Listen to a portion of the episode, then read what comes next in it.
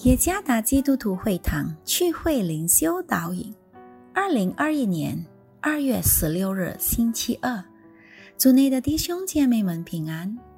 今天的灵修导引，我们将会借着圣经《撒母耳记下》十三章二十三到三十九节来思想今天的主题：大卫家的风波。作者古发起牧师。撒母耳记下第十三章二十三节。过了二年，在靠近以法莲的巴利夏所，有人为亚沙龙剪羊毛。亚沙龙请王的众子与他同去。亚沙龙来见王说：“现在有人为仆人剪羊毛，请王和王的臣仆与仆人同去。”王对亚沙龙说。我儿，我们不必斗去，恐怕使你耗费太多。亚沙龙再三请王，王仍是不肯去，只为他祝福。亚沙龙说：“王若不去，求王许我哥哥安嫩同去。”王说：“何必要他去呢？”亚沙龙再三求王，王就许安嫩和王的众子与他同去。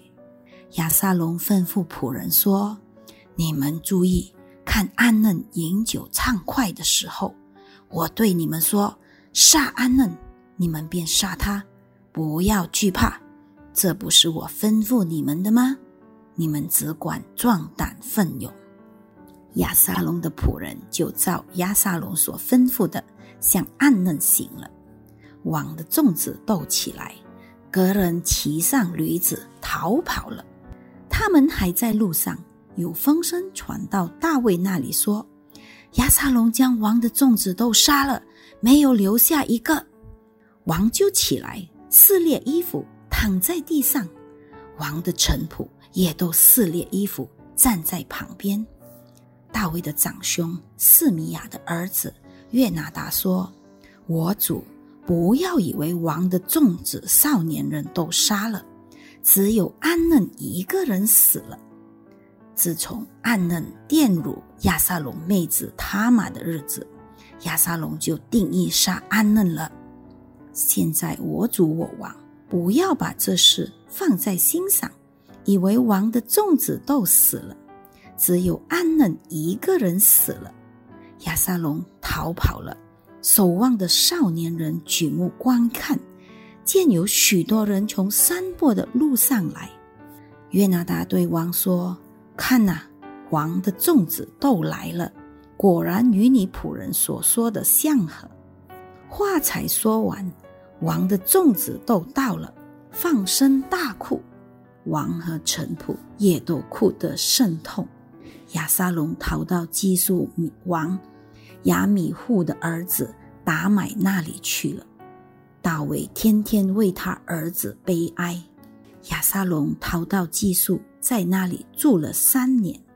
安嫩死了以后，大卫王得了安慰，心里切切想念亚沙龙。研究发现有五大原因：为何亲生的弟兄姐妹在幼小时，即便是那么和睦相处，但到了成年时却会互相争执？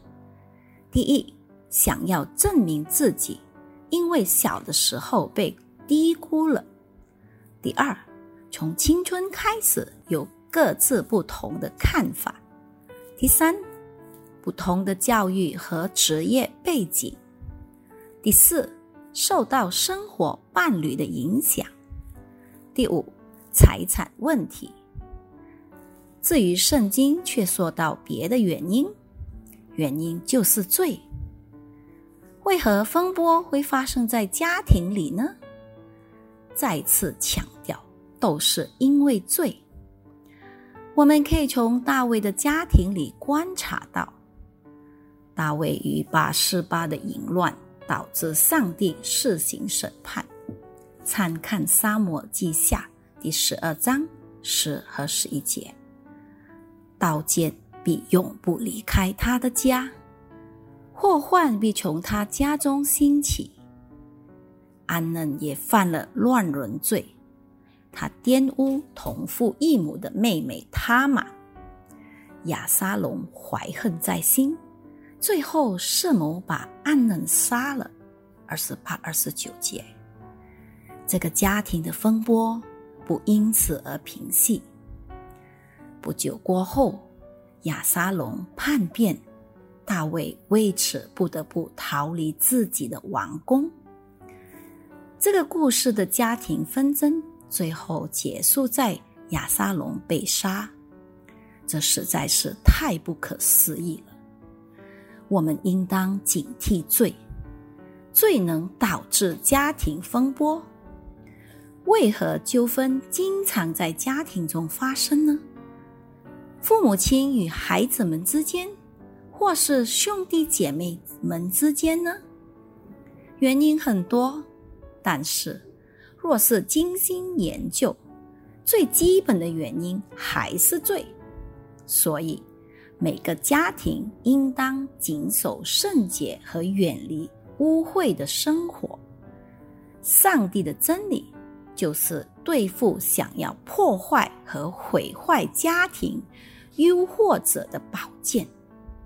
活在上帝真理的光中吧，每天默想和顺服上帝的话语。